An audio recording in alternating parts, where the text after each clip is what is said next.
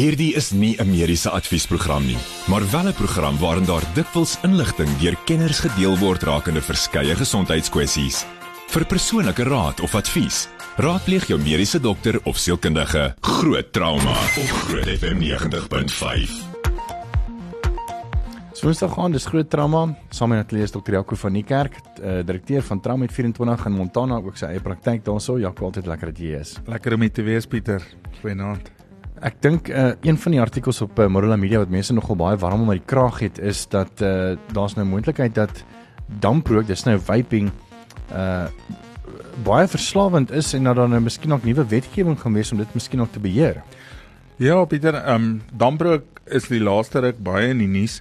Ehm um, ten spyte van die feit dat die heel eerste e-sigaret ehm um, jy weet 20 jaar gelede in 2003 al klaar ontwikkel is.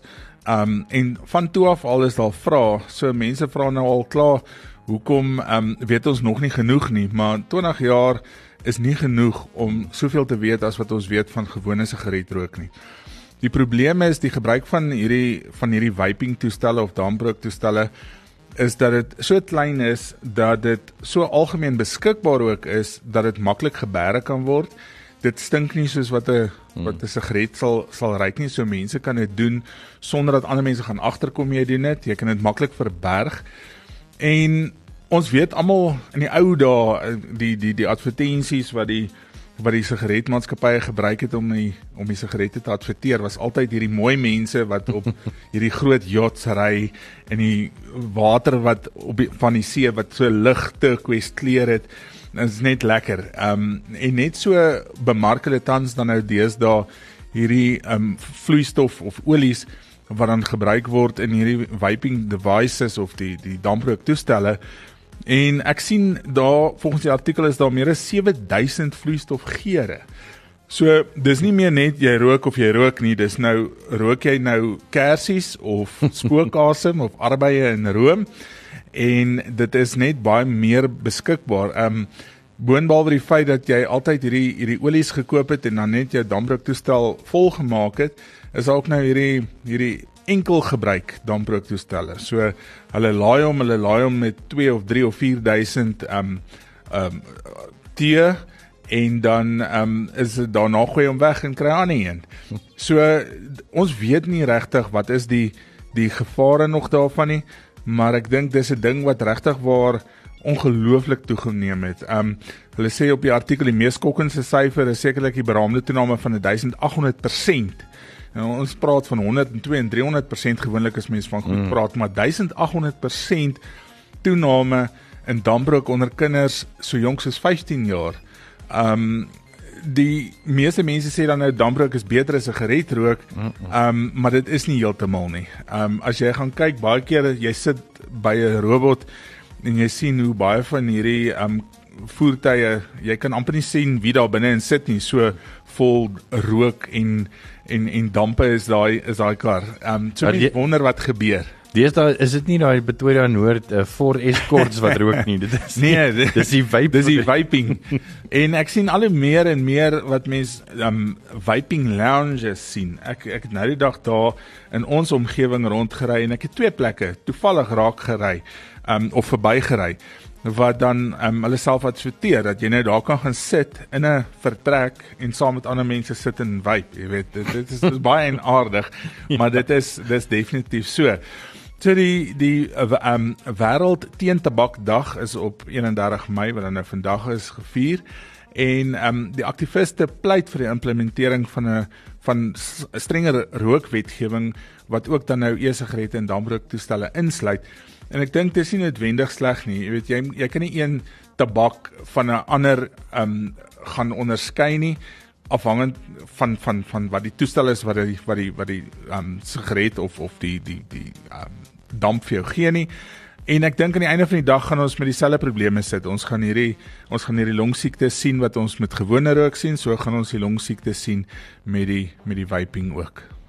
Ja, ek ek, ek sien dat uh, op 'n op 'n web op webblad op die internet dat hulle sê dat vaping uh is of 'n sigaret is ekwivalent tot 3 tot 15 mg per milliliter van nikotien terwyl vaping soveel as 24 mg per uh, milliliter Ja. uh, nikotien is. So dit is amper dubbel uh die hoeveelheid van nikotien. Nou ek meen daai artikel het gesê Jaco kinders so so jonk as 15 en maar kyk my, my vrou is onderwyseres en uh, hmm. daarso ook weet jy selfs graad 8 jy weet wat wat al begin hierdie goedjies net van dis mos nou veiliger en lekkerder jy weet maar dit is mos nou erger as as om toe soos in die ou dae waar jy agter die die fietsloods gou vinnige ou ou ou rookie gevang het weet Ja.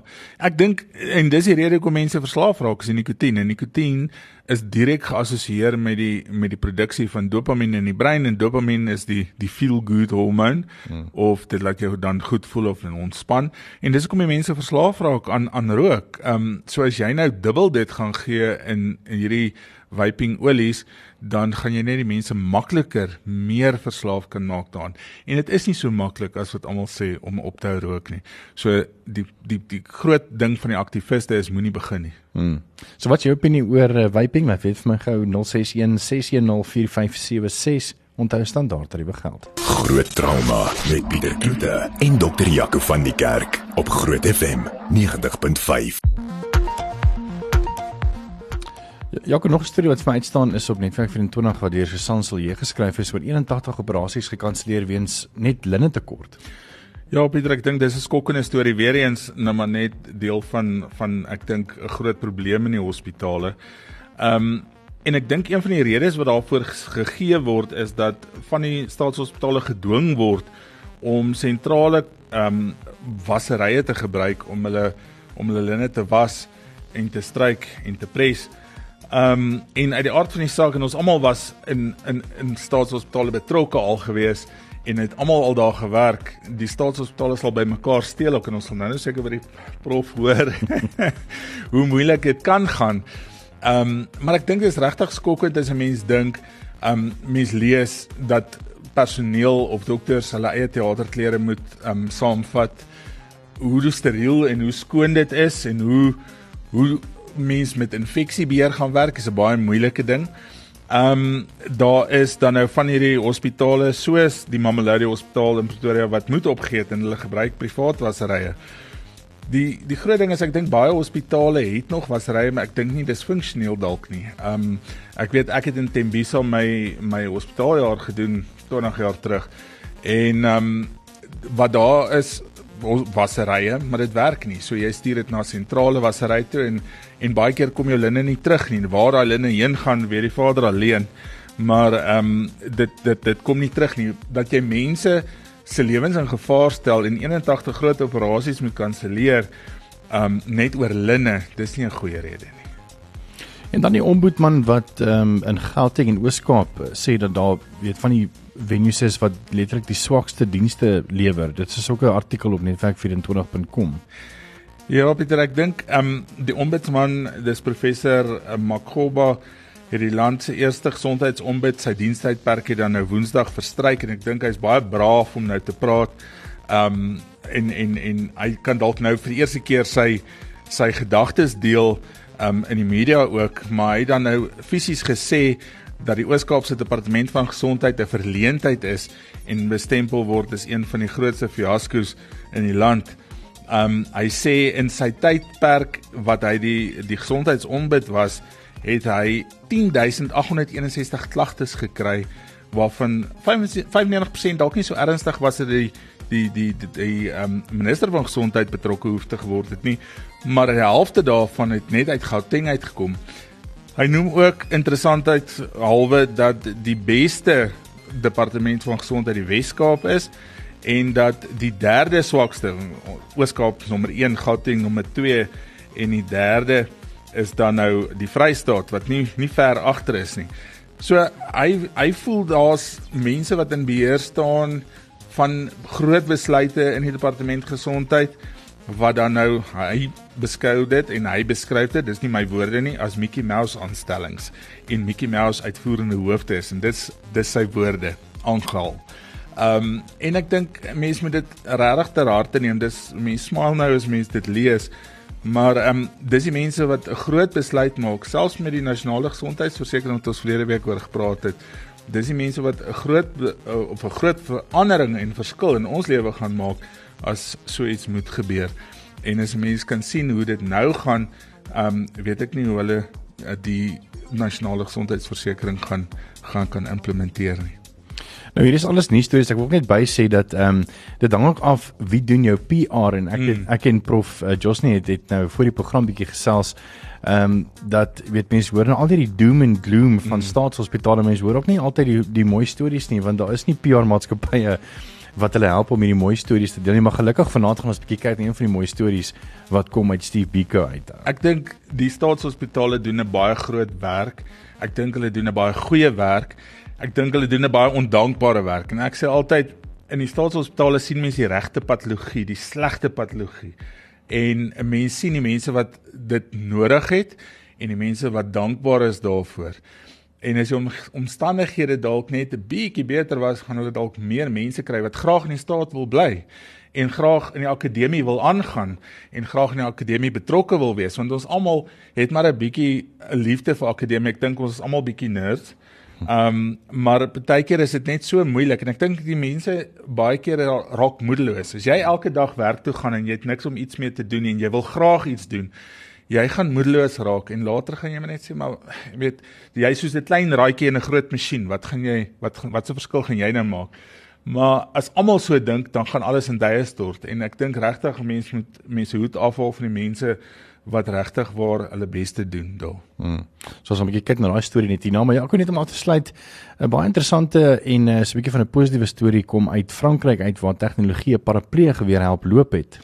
Ja, Pieter, dis 'n baie interessante storie en dit is eintlik 'n baie nice storie en ek dink daar's baie hoop vir mense daar buite, maar mense moet ook sê dit word duidelik gestel dat dit in 'n baie beginfase van navorsing is. Ehm um, dis 'n persoon wat dan nou 12 jaar gelede in 'n in 'n fietsongeluk betrokke was wat dan nou um 'n parapleeg geword het en hy is 'n ingenieur wat dan nou elektroniese implantings help ontwikkel het wat een implanting in die brein is en een implanting in die spinaalkoord en dit het hom nou in staat al gestel om regop te kan staan en om te begin om trappe te loop. Maar in sy eie woorde is um dis dis meneer Gert Oskam en sy eie woorde is hy voel soos 'n kleuter wat begin leer loop. Um, die neurochirurg wat betrokke was daarbey is 'n vrou interessant genoeg. Um, en dis van in in 'n Duitse uh, professor wat dan nou ook gesê dis 'n baie delikate prosedure en hulle net benadruk dat die stelsel nog in 'n baie basiese navorsingsfase is en dit nog jare gaan duur voordat dit vir verlamde pasiënte beskikbaar sal wees oor in die, in die, in die algemene ehm um, sektor. Ehm um, die spinaal Research Liefdadigheidsorganisasie in Brittanje het dan nou um hierdie hele uh tegnologie as baie um bemoedigend bestempel en ek dink dis 'n dis 'n groot stap in die regte rigting. Ek dink daar's baie baie hoop en ek hoop regtig in my lewenstyd sien ek dat so iets werk ook vir mense meer algemeen as net een of twee hier en daar. Ja, toe. Net in gesels met prof Josny, bietjie oor so 'n bietjie goeie nuus van Steve Biko se blinkerissing skakel daarvoor. Groot trauma met Pieter Kloete en dokter Jaco van die Kerk op Groot FM 90.5. Welkom terug, dis Groot Trauma. Ek is Pieter Kloete net van die kommentaar wat nou al deurgekom het, ehm um, Dawie, baie dankie vir jou mooi boodskap en baie geluk met die kleintjie. Hy sê ehm um, sy kleinseun is vanoggend ehm um, gebore, so baie knap gedaan vir jou. Ek en Jacques het 'n bietjie gepraat oor vaping en uh, ek sien iemand hierso uh Kobus sê rook is rook, dink alle vorms is sleg. En uh, dan nog iemand hierso gepraat oor uh, hulle moes hulle seun Boksburg toe vat uh van die staatshospitaal was toe want ehm um, blykbaar was TB kon hulle vonk se afspraaklys uh te volg gewees ongelukkig. En uh Boksburg se hospitaal het hulle gehelp en hulle is nogal baie tevrede met die diens daar 110%. Dit sê. Dan uh ja, in die ateljee prof Janiel Josny uh van 'n uh, professor in kardiologie by Steve Biko Akademiese Hospitaal in die ateljee. And we can we, we can we can talk in English uh, professor. It's not a problem. We can do that. So welcome and thank you for taking our time and and um, chatting to us. Um, tonight we're going to talk about two things. One is um, your incredible journey the past few years in getting the clinic at Steve Biko uh, the children's clinic uh, up to scratch with uh, new technology, some some VR and uh, cool stuff for the kids. Some, because most of these kids that are coming to you, you know, it's not just from Pretoria; they're coming from all over the country. So you know, they they have to stay there for long hours, and this will keep them busy at least. And then a little, little bit later on, we can talk about your passion, you know, uh, cardiology, um, and also kids. So welcome and thank you for taking our time to chat to us. Good evening, and thank you so much for the invitation, Peter and Dr. Van Niekerk. It's a, it's a pleasure to be on Groot FM. Um, and thank you so much for the opportunity to talk a little bit about our, our pediatric cardiology clinic. Yes. So let's start. I mean, how, how did it all start? Um, I, I think you had this idea, and go and tell us how it happened. So, the pediatric cardiology clinic at Steve Biko sees between 150 and 200 patients uh, a week. Um, it's the only referral clinic for Mpumalanga, for the Northwest, uh, for Limpopo, and for our drainage area in Gauteng. Sure. So um, we see a fair uh, a number of, of kids in our clinic. And um, we are three uh, pediatric cardiologists that are based there. Um, and between us, we um, often shed a little tear after the clinic to see these kids come from so far. They travel five, six days just to get to the clinic to see the cardiologist for half an hour and then spend another few days on their way back home. So, um, over the years, the clinic has uh, taken its fair share of knocks, and um, often these kids have problems that run quite deep. Mm. Uh, they can't exercise like other children. Um, they often, a lot of the kids can't go to school. Sometimes they've got to be at home for long periods of time. Sometimes they've got to be admitted to hospital for a long period of time.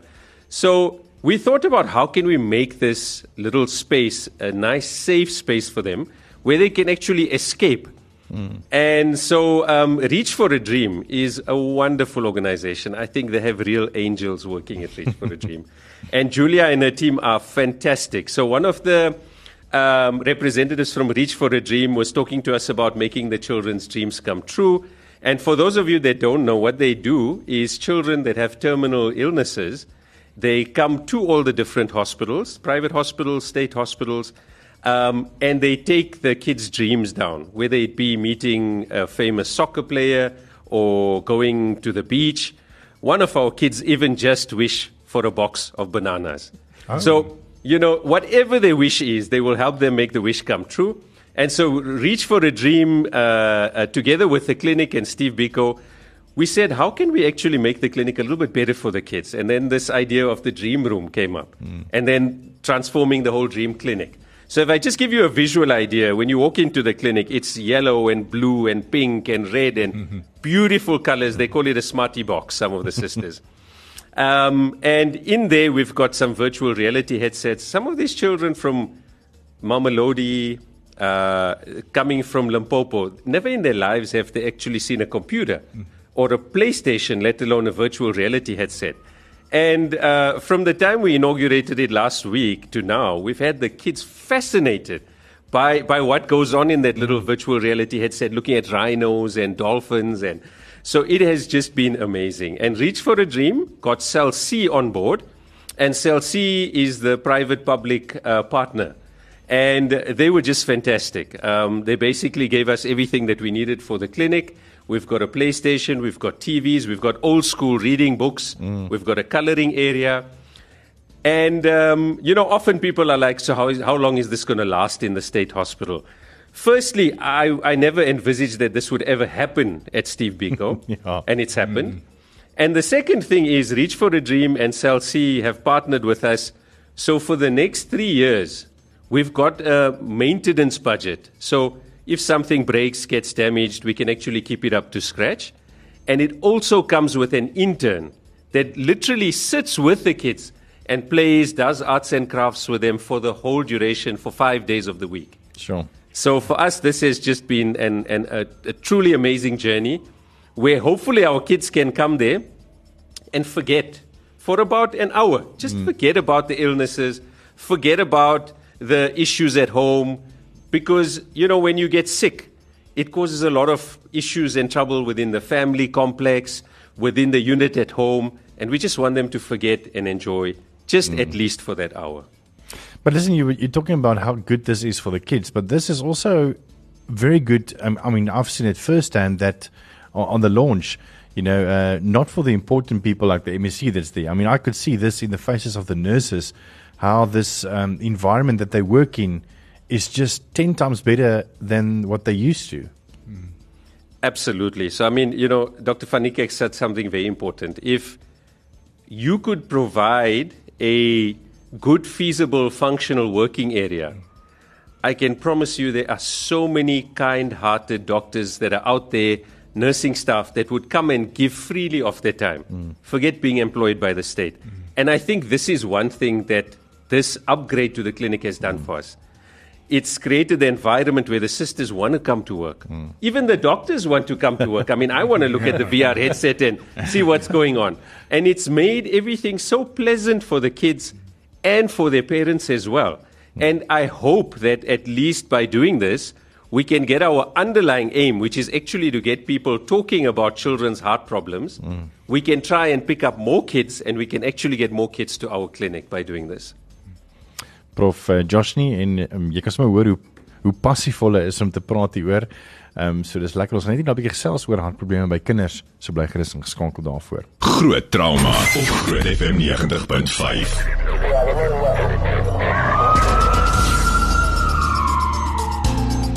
Soms in die ateljee vanaand is uh, Prof Janiel Joshni, hy's 'n professor in kardiologie by Steve Biko Akademiese Hospitaal.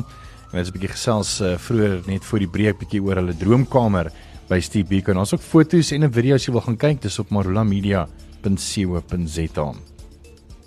Ja, ek dink dis vir baie van hierdie kinders al klaar 'n droom net om 'n pediatriese kardioloog te sien. Um omdat daar so min van hulle is en ek dink mense het regtig deursettingsvermoë nodig om om daarby uit te kom en ons is eintlik bevoordeel om pediatriese kardioloog te hê wat beskikbaar is vir staatsfasiliteite. Um as mens gaan kyk na mites en en en my mite vir vanaand is sommer ja, ja. dat baie mense sê en dink dat alle gaatjies in die hart kyk jy hoor ons altyd van kinders wat met gaatjies in die hart gebore word. Um alle gaatjies in die hart gaan gaan toe gaan as die kind ouer word. Um ek dink dis een van die groot mites daar buite en ek dink um ons kan nou net 'n bietjie daaroor praat ook. Man nie alle gaatjies gaan toe nie en sommige van dit kan selfs die kind beskadig oor tyd of of of skade aan die hart veroorsaak oor tyd wat nie altyd um reggemaak kan word nie. Die longvate kan seer kry ensovoorts en um die enigste mens wat regtig kan besluit of jy 'n gaatjie in die hart moet los of nie is 'n pediatriese kardioloog so as jy ooit so iets het of iemand kom agter dat jou kind so iets het moet jy probeer om 'n plan te maak om by 'n pediatriese kardioloog uit te kom Professor, back to you. Um, why is there so little cardi- uh, pediatric cardiologist in South Africa? So, I think, you know, to one, be a pediatrician requires a certain kind of a person. Mm. You have to really love working with kids. They can't talk to you, they can't tell you what's wrong with them. Um, you have to deal with uh, parents as mm-hmm. well, which really requires a certain skill. Um, and I think it's just the duration of time that it takes to become a pediatric cardiologist. To be absolutely honest with you, if I was going to let a, a, a, doctor fiddle with my child's heart and make decisions on my child's heart, I'd also want them to have studied for many, many, many years before they'd be able to do that. So we have about 25 pediatric cardiologists in South Africa in total, between the state service and between the private service. And we're very fortunate that a lot of the doctors, a lot of the pediatric cardiologists that do private are also involved in state work. And I think a lot of them are very academically inclined and involved. Mm. And the fascinating thing about pediatric cardiology is a few years ago, almost all the kind of surgical repairs had to be done by open heart surgery. And about 20 to 25% of those can now actually be done in what we call the cath lab, with a small little Jelco or a drip in the groin, like an angiogram, and no cutting at all. Hmm. And w- whereas a child would have to stay in hospital previously for seven to ten days in ICU with an open chest wound, nowadays they can come in in the afternoon, you do the procedure, and the following day they can be home. This is not applicable to all defects, but we're getting to actually do more and more of these procedures And we hope that in the next few years, the technology is going to develop even further, that less kids need to have open heart surgery. The American Heart Association's basic life support, um, which is which you can do in South Africa as well, of course, also says that um, that you know children that uh, fell unconscious, normally it's not a heart problem. It, it most ninety nine percent will be either a breathing problem. So so how does it uh, you know how many children you know are diagnosed with with heart problems and or is it mostly just breathing problems? So I, I think together with the myth about holes closing by themselves, there's a myth that mainly adults get heart problems mm. because everyone knows of a granny or a grandfather, oma, opa, somewhere in the family that has had a heart attack. Children don't get heart attacks per se, but they get different types of heart problems. So we like to actually talk about the emergency signs. So if your child collapses, I think it's a good idea to get a medical doctor to do an assessment and to say, listen, perhaps they, the blood sugar was a little bit low, perhaps the blood pressure was a bit low, or is it something more important or, or sinister, like perhaps a heart problem or a lung problem? But in general, um, we break up the heart diseases into those that occur in small babies. So normally that's a developmental problem that you're born with, and those that children can acquire or get from the environment when they're older. And for smaller children, if they're having feeding difficulties, if they are not gaining weight, if they are turning blue, the lips, the fingers, um, if there's any swelling around the eyes, the hands, the feet, the tummy, those for us are all important indicators that there might be an underlying heart problem. So it's always a good idea perhaps to start either with your local clinic or with your GP. And like Dr. Van was saying, eventually they would have to be referred to a pediatric cardiologist that we can do a echocardiogram, which is like a sonar that we do for the pregnant moms, but we look at the heart, the chambers, the valves, just to make sure that there isn't anything that needs to be treated or even repaired. So you say that, that you guys are using the the um, uh, what's that big word again? Uh, the cardio. Echo, cardio. Yeah, echocardiograms. Uh, why not uh, just uh, MRI scans? So um, there's a place for a lot of the imaging, uh, depending on exactly what you what you're looking at. Um, there's a few things about children uh, that are slightly different to adults. So their heart rates are much faster. So if you want to do an MRI, the speed at which the heart is going makes it more difficult to get clear MRI pictures.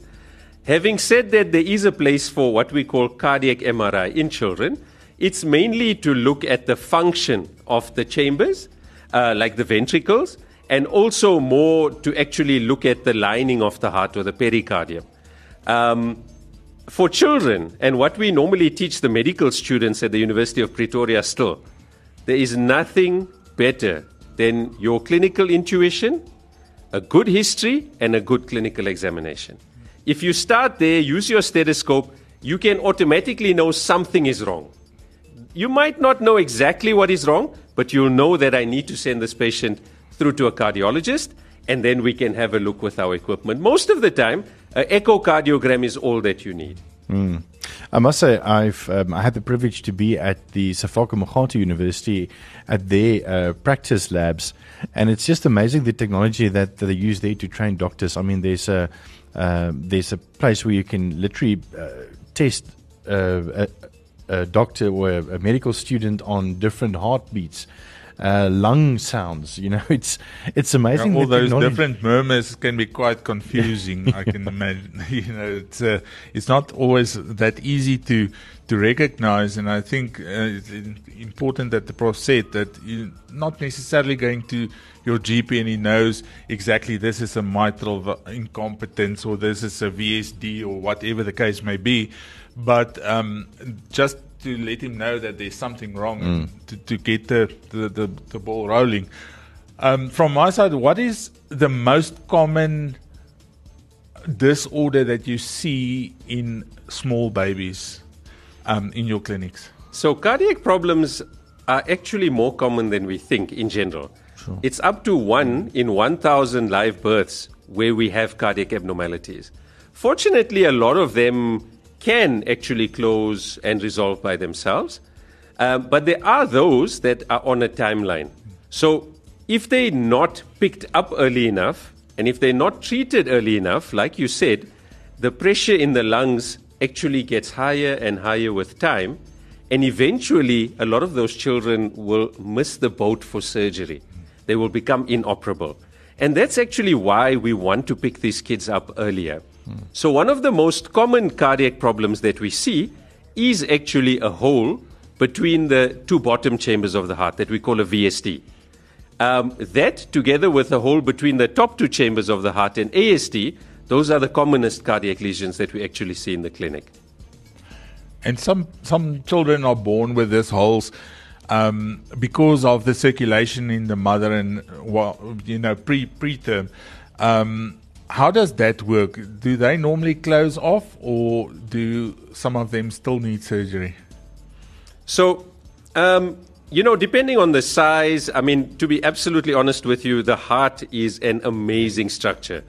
You know, and that's why I got into peds cardiology in the first place, is how this heart develops and how God has designed the structure that doesn't need oiling, maintenance, servicing, and can go on for a hundred years. Yeah. It's just fascinating. So, depending on what goes wrong in that process, um, sometimes even the more normal type of shunts, like the holes, can actually need to be closed with time. It all depends on the size and it depends on how much of blood is flowing from the one chamber to the other. And usually that is decided on the um, echocardiogram or the heart sonar that, that, that we normally do. And it's interesting that you mentioned before birth because often we think you can only make a diagnosis of a heart problem after the child is born. But actually, if you are a pregnant mom and you go for something called a fetal ultrasound, you can see the finest details in the heart, Wow. like a valve that's not working well, or one of these defects with a hole, or if the vessels are switched around. You can see all of those things before birth. A lot of them can't be treated before birth, but what it does allow you to do is you can imagine if there's only 25 pediatric cardiologists, there's not too many people to go around that can deal with this. So if you find a problem, you can send the mom to a center where they can be treated, picked up early, managed properly. So those fetal um, uh, cardiograms are actually very, very helpful, and they can be done before birth, normally at about 29 weeks. Amazing. Ons net nou weer terug bly geskakel. Met die volgende program bo Groot FM 90.5 om jou as luisteraar met die nodige inligting oor 'n spesifieke onderwerp te voorsien. Alhoewel hierdie inligting dikwels deur 'n kenner op die gebied gedeel word, word jy aangemoedig om jou mediese dokter of sielkundige te besoek vir persoonlike advies of raad. Groot trauma met Pieter Kloete en dokter Jaco van die Kerk op Groot FM 90.5. Dis so 7 minute weg van 9uur. Ek kan nie glo nog 'n uur is amper verby nie. Ons gesels nou so lekker oor uh, kinders en kardiologie met professor Janiel Josny, 'n professor in kardiologie by Steve Biko Akademiese Hospitaal. Jaco, jy het nog so 'n paar vrae vir vir professor. Yeah. Um, my first question is um, everyone thinks, and we've said it now, that heart problems is the thing for older people. Um, but the risks of cardiac disease like diabetes, hypertension, cholesterol is also relevant in children. Um, correct? Or and how often do you see it? Absolutely. F- fortunately, it's not as common in adults as it is in children, but certain types of diabetes, especially type 1 diabetes, is often familial and can often start in early childhood. And it's important to, you know, children um, often give these complaints, and we always see these parents who bring these kids in and they say, He's been complaining about three years about this heartbeat, but we thought he's just making it up, you know? So if the child is having uh, uh, going to the toilet quite often. It's not always because they're naughty. Sometimes they might be having diabetes and they go to the loo a lot, they drink a lot of fluids, and that might be the first sign of diabetes in children. Um, we also do see uh, high cholesterols in children, but fortunately, this is not usually due to diet. It's more often related to genetics. So we see a familial hypercholesterolemia that runs, especially in South Africa, very strongly in the Afrikaans community and in the Indian community. And those children have very, very high cholesterols. So, not very often, but they can actually have adult type of heart diseases in those children that have hypertension, they have diabetes, or they have high cholesterols.